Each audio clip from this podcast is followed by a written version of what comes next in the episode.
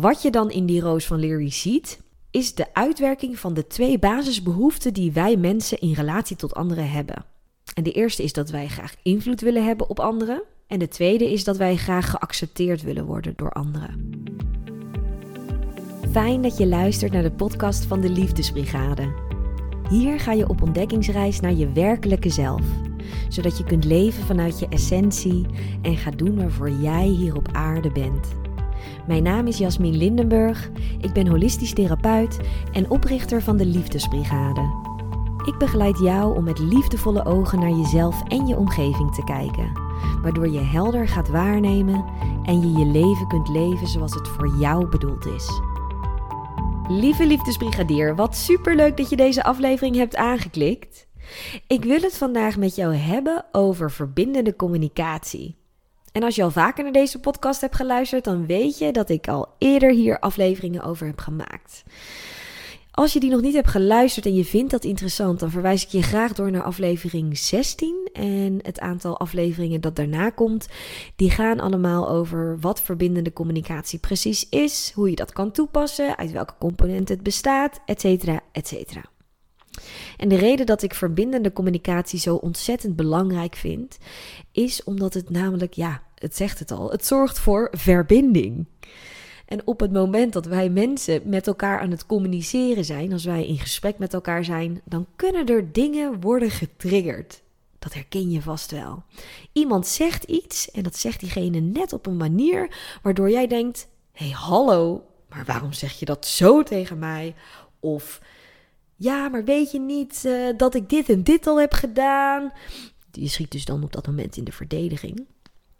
Of het kan ook zijn dat je juist je heel erg terugtrekt, omdat je denkt, nou, ik word ook niet gezien in alles wat ik al doe of wat ik al heb gedaan. Dus laat het allemaal maar zitten en je gooit de handdoek in de ring. Als je dus met iemand in gesprek bent, dan heeft dat altijd een bepaalde energie, een bepaalde sfeer. En als gesprekken prettig verlopen, dan is dat natuurlijk heel fijn. Maar als de interactie tussen jou en de ander moeizaam verloopt, of gewoon echt wringt, ja, dan kan dat best wel frustrerend zijn. En op zo'n moment is het heel erg fijn om te weten dat jij daar iets aan kan doen. Op het moment dat jij je er bewust van wordt. Daar wil ik het met je over hebben in deze aflevering. Stel je voor, een aantal weken geleden hadden jij en je lief afgesproken om vanavond uit eten te gaan in dat nieuwe restaurant dat zojuist in het centrum is geopend. Nou, het is een populair restaurant, super hip. Reviews zijn allemaal hartstikke lekker, positief, laaiend enthousiast. Dus jullie wisten dat die reservering noodzakelijk is. En je lief opperde destijds om die reservering te maken. Nou, nu staan jullie bij het restaurant en nu blijkt dat je lief dat compleet is vergeten. En je keek hier echt al weken naar uit. Dus je schiet uit je slof, want je bent nogal geïrriteerd en ook teleurgesteld. En je zucht wat af en je rolt met je ogen. En eigenlijk verwacht je dat je lief excuses aanbiedt. Maar in plaats daarvan krijg je een heel verhaal over dat het druk was op werk en dat de telefoon kapot was en dat internet eruit sprong en dat er overal emergencies waren. Dus waarom ben je zo geïrriteerd? Ik heb het gewoon heel druk gehad. Dat is de reactie die je krijgt. Nou ja, dat excuus, dat kun je dus wel vergeten. En dat etentje in het restaurant ook. Dus jullie besluiten om deze avond maar gewoon naar een ander tentje te gaan. Maar de sfeer wordt er eigenlijk niet echt beter op. En dat is wel lastig, want jullie moeten nog aan het hoofdgerecht beginnen. Wat doe jij op zo'n moment? Ga je de rest van de avond zitten mokken? Doe je alsof er niks aan de hand is, terwijl die olifant op jullie tafel steeds groter wordt? Of besluit je om naar jezelf en je eigen communicatiestijl te kijken? Ik hoop dat jij kiest voor het laatste, want dan is namelijk de kans het grootst dat jullie alsnog een hele gezellige avond samen hebben. Communicatie, zowel verbaal als non-verbaal, is namelijk niet eenzijdig, maar het is circulair. Wat betekent dat het een tweerichtingsproces is. Wat ik tegen jou zeg en hoe ik het zeg, beïnvloedt dus wat jij vervolgens tegen mij zegt en hoe je dat zegt. De houding die ik dus aanneem in ons gesprek beïnvloedt onbewust jouw houding. Mijn actie heeft dus een reactie bij jou tot gevolg en vice versa. En als ik het heb over dit actie-reactiepatroon, dan kun je dat voorspellen aan de hand van de roos van Leary. En dit is een interactiemodel van de Amerikaanse psycholoog Timothy Leary, dus vandaar dat het ook de roos van Leary heet, die schematisch weergeeft hoe bepaalde gedragsrollen effect hebben op de ander. Als je visueel bent ingesteld, dan heb ik een post op Instagram geplaatst van de roos van Leary. Dus als je naar deze podcast luistert en je vindt het fijn om die roos voor je te hebben, zodat je hem ook letterlijk kan zien, het, uh, de taartdiagram, dan verwijs ik je graag even door naar, mijn Instagram, de Liefdesbrigade. En mocht je uh, deze aflevering later luisteren dan dat die is opgenomen, dan kun je eventjes zoeken naar de post uit augustus 2021. Dat is namelijk het moment dat ik dit nu opneem. En dan kun je dus zien hoe die roos van Leary schematisch is weergegeven. Nou, wat je dan in die roos van Leary ziet, is de uitwerking van de twee basisbehoeften die wij mensen in relatie tot anderen hebben. En de eerste is dat wij graag invloed willen hebben op anderen.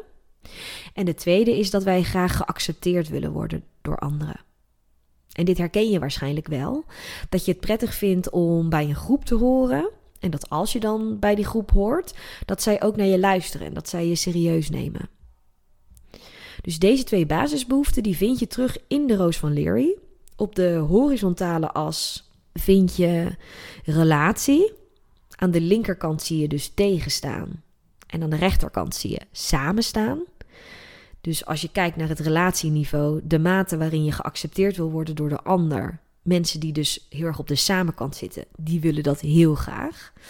En mensen die op de tegenkant zitten, die vinden dat wat minder belangrijk. In ieder geval in de communicatie bedoel ik dan. En als je naar de verticale as kijkt, dan zie je daar de dominantieas. Aan de bovenkant, dan zit je dus ook boven op de roos van Leary. Betekent dat je dus uh, een grote mate van invloed willen uitoefenen op anderen en controle willen uitoefenen op anderen, dat je dat ervaart. En als je onder zit op de roos van Leary, dan heb je dat dus veel minder. Aan de hand van de roos van Leary kun jij dus jouw eigen gedrag en het gedrag van de ander beter begrijpen en beïnvloeden. En ik zeg hier bewust beïnvloeden en niet manipuleren, omdat het laatste ervan uitgaat dat alleen jij er beter van wordt, terwijl bij beïnvloeden je ervan uit mag gaan dat jullie er allebei beter van worden. En als je het hebt over verbindende communicatie, dan is dat natuurlijk uiteindelijk waar het om draait. Dat jullie daar beide beter van worden. Dat jullie beide op een manier met elkaar communiceren waardoor er meer verbinding ontstaat.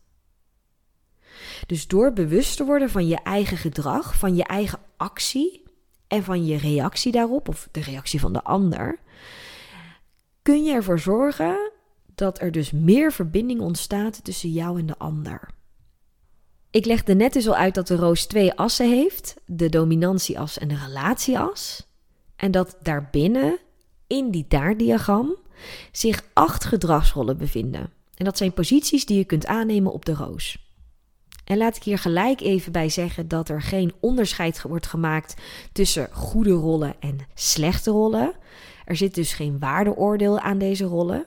Het zijn simpelweg posities die je kunt aannemen op de roos, houdingen die je dus kunt aannemen in de interactie met iemand anders. En die acht gedragsrollen zijn leidend, dan zit je dus boven op de roos van Leary, helpend, meewerkend, dan zit je meer samen op de roos van Leary, volgend of teruggetrokken, dan zit je meer onder op de roos van Leary, opstandig, aanvallend, dan zit je meer tegen op de roos van Leary en concurrerend die hoort ook boven op de roos van Leary. Dus dit zijn acht verschillende gedragsrollen die je kunt aannemen in interactie met iemand anders. En als ik deze gedragsrollen opnoem, dan merk je waarschijnlijk in jezelf wel een reactie. Zo van, oh ja, dat herken ik wel. Ik ben uh, in samenwerking met anderen heel vaak heel volgend, bijvoorbeeld. Dus dat betekent dat jij dan van nature meer onder op de roos van Leary zit. Ikzelf neem van nature vooral een boven-samen rol aan op de Roos van Leary. Dus dat betekent dat ik vooral een leidende of een helpende rol op me neem. Dit zijn de rollen die ik dus van nature aanneem, maar deze kunnen wel verschillen. Dus afhankelijk van de persoon die ik voor me heb, kan ik ook in een andere rol schieten. Dat is namelijk wat de roos van Leary laat zien. De roos laat zien dat er vier natuurlijke interactiepatronen zijn die een tegengestelde reactie oproepen. Als je de roos van Leary voor je hebt en je ziet die horizontale as van de relatie, dan zie je daarboven dus vier rollen staan: aanvallend, concurrerend, leidend en helpend. Elke rol die roept een tegengestelde reactie op en die vind je weer daaronder, onder de horizontale as. Dus een aanvallende reactie roept een opstandige reactie op en vice versa. Een concurrerende reactie roept een teruggetrokken reactie op en andersom. Een leidende reactie roept een volgende reactie op, die is denk ik wel begrijpelijk. En een helpende eh, rol roept een meewerkende reactie op. Dus dan zit je heel erg op de samen. Dus stel nu dat ik in mijn natuurlijke leidende rol zit, dan zul jij, als wij zouden moeten samenwerken samen, je doorgaans volgend opstellen, omdat deze dus, zoals de Roos van Leary laat zien, complementair zijn. Als jij je in dit geval volgend zou opstellen, dan betekent dit dat jij het samenwerken dus heel erg belangrijk vindt. Dus dat jij het belangrijk vindt om geaccepteerd te willen worden, in dit geval door mij. Maar als jij van nature een leidende rol hebt en je vindt het minder belangrijk om geaccepteerd te worden door de ander en meer belangrijk om invloed uit te oefenen of controle uit te oefenen op de ander, dan zul jij niet op die samenkant gaan zitten. Maar dan vind jij dus die dominantie onbewust heel erg belangrijk. En omdat ik dan al op dat moment die leidende rol heb, zul jij op die concurrerende rol gaan zitten. En nogmaals, daar zit verder geen oordeel op niet, het een is niet beter of slechter dan de ander. Maar ja, je kunt je wel voorstellen dat als iemand een leidende rol op zich neemt en een ander een concurrerende rol op zich neemt, dat dat voor een interessante interactie zou uh, zorgen. En dat er dan waarschijnlijk uiteindelijk wel iets gaat wringen in het gesprek tussen ons. En misschien herken je dat wel, dat je in een werkoverleg zit en dat er een besluit dient te worden genomen en dat er dan opeens een discussie ontstaat tussen twee personen. En dat die allebei vinden dat zij het beste idee hebben en dat ja, de rest van de groep maar gewoon daarnaar moet luisteren. Nou ja, dan zitten ze dus allebei boven op die roos van Leary en de een zit in die leidende rol en de ander zit in die concurrerende rol. Ze vinden het op dat moment dus minder belangrijk om geaccepteerd te willen worden door de ander. En meer belangrijk om dus die invloed uit te oefenen of die controle uit te oefenen. Dus zo kun je dus zien hoe die interactie tussen de verschillende rollen in het echte leven naar voren kan komen. De plek die jij dus inneemt op de roos van Leary wordt deels bepaald door je natuurlijke rol, door je natuurlijke houding, maar ook dus beïnvloed door de persoon die er voor jou zit. En de rol die je dan vervolgens aanneemt hangt weer af van de rol die de ander aanneemt en de mate waarin jij het belangrijk vindt om dus geaccepteerd te willen worden door de ander of om invloed uit te oefenen op de ander. Ik heb dus net uitgelegd dat de dominantie als Ehm, dat daar tegengestelde reacties worden opgeroepen. En als je kijkt naar de relatieas, dan roept dat dezelfde reactie op. Dus als jij aan de samenkant zit, dus uh, stel dat jij de helpende rol op je neemt en dan vind je het belangrijk dat, dat jij de ander mag en andersom. En ik ga met jou samenwerken, dan zal ik automatisch in de meewerkende rol schieten. Dan zal ik uh, automatisch wel doen wat jij, wat jij fijn vindt, wat jij prettig vindt. Ben ik flexibel. En zo kunnen wij dus makkelijk samenwerken. Maar als ik aan de tegenkant zit van de roos, dus stel ik stel mij heel opstandig op, dan roep ik automatisch bij jou een aanvallende reactie op. En dan zitten we dus allebei op die tegenkant. Dus op de relatieas roepen de gedragsrollen eenzelfde reactie op. Nou, als je even terugdenkt aan dat restaurantvoorbeeld waar ik mee startte, dan herken je misschien wel dat jij in dit voorbeeld door jouw teleurgestelde en geïrriteerde houding naar je lief toe een tegenreactie oproept. Want jij zit namelijk zelf tegen. Je bent uh, nogal uh, opstandig en uh, je vindt het allemaal maar irritant en uh, je bent ook wel misschien een beetje aanvallend, dan roept dat dus dezelfde reactie op bij je lief en die schiet dan dus in de verdediging. En die komt met allemaal excuusjes en smoesjes. Nou goed, jullie zijn dus eenmaal verhuisd naar dat andere restaurant en daar besluit jij om er alsnog een gezellige avond van te maken. Nu jij je bewust bent van de dynamieken die de Roos van Leary uitlegt, kun jij er dus voor zorgen dat die interactie met je lief positief wordt omgedraaid. Jij kunt namelijk, nu je hier bewust van bent, jouw eigen gedrag aanpassen en besluiten om een andere plek op de Roos van Leary aan te nemen, die jullie interactie positief beïnvloedt. Zoals ik net al zei, zitten jullie dus op dit moment allebei op de tegenkant van de Roos van Leary. En als jij een prettige, relaxte, gezellige, romantische avond met je lief wil, dan is het dus belangrijk dat jullie allebei naar die samenkant op de roos gaan. Dan kun je er dus voor zorgen dat jullie weer gezellig met elkaar kunnen kletsen, lekker kunnen genieten van het eten, jullie dromen kunnen bespreken en waar jullie het ook allemaal maar over willen hebben tijdens het eten. Je wil dus dat die interactie positief wordt beïnvloed en dat er weer verbinding ontstaat. Nou, jullie zitten dus nu allebei op die tegenkant en je weet dat je dus kan verschuiven op die roos. Dus dat je ook ervoor kan zorgen dat jullie uiteindelijk eindigen op de samenkant. En het enige wat daarvoor nodig is, is dat één van de twee een andere positie op de roos van Leary gaat aannemen. Want zoals ik net al zei, elke gedragsrol roept een bepaalde reactie op bij de ander. Dus als jij tijdens het etentje met je lief een andere houding gaat aannemen, ja, dan kun je gewoon verwachten dat je lief ook een andere houding gaat aannemen. En zo kun je dus de interactie tussen jullie, de sfeer tussen jullie, positief beïnvloeden. Nou, misschien begrijp je wel dat het niet realistisch is om te verwachten dat je van de tegenreactie direct verschuift naar de samenreactie. Stel dat je twee mensen ziet uh, discussiëren of een beetje ziet bekvechten, dan weet je ook dat daar meestal wel wat minuten overheen gaan voordat ze het samen weer bijleggen.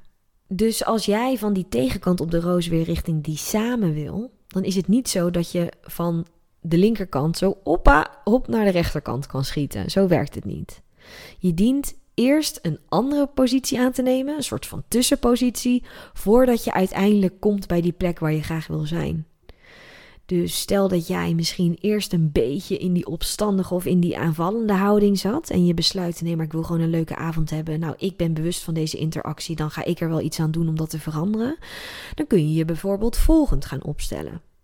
Dan zou je bijvoorbeeld zelf je excuses kunnen aanbieden door te benoemen ja, dat, dat, dat je wel heel erg teleurgesteld was, maar dat je dat misschien niet zo hoefde af te reageren op je lief. Dat je vervolgens je behoefte zou kunnen uitspreken, wat je graag fijn zou vinden voor de rest van de avond. Maar dat je ook benoemt dat je dat niet alleen kan doen, dat je, dat je hem of haar daar ook voor nodig hebt. En ja, dat je gewoon meer in die volgende rol gaat zitten. En zoals ik eerder al uitlegde, roept een volgende rol roept automatisch een leidende reactie op, een leidende houding. En zo kun je uiteindelijk langzaam samenwerken naar die samenkant, zodat je dus allebei zit bij het meewerkende of het helpende. En dat je dan dus weer een gezellige avond hebt met elkaar. Het vraagt dus ten eerste bewustwording en vervolgens vraagt het focus. En daarna vraagt het ook nog geduld en vooral openheid en bereidwilligheid om die persoon te zijn die de interactie positief beïnvloedt. Want dat is uiteindelijk waar het bij de Roos van Leary om draait. Om een verbeterde, soepelere communicatie tussen jou en de ander. Waardoor die verbinding tussen jullie wordt versterkt. En dit kun je niet alleen toepassen in, je, in de relationele sfeer. Dit kun je ook toepassen op de werkvloer. Je kunt het ook toepassen als je in de rij staat, uh, in de supermarkt. Je kunt het ook toepassen op het moment dat je iemand belt bij de klantenservice, ik zeg maar wat. Je kunt dit in elke vorm van communicatie toepassen. En daarom vind ik de Roos van Leary zo ontzettend bijzonder. En ook ontzettend helpvol. Omdat het ervoor zorgt dat jij ervoor kan zorgen dat er weer meer verbinding ontstaat tussen jou en de ander.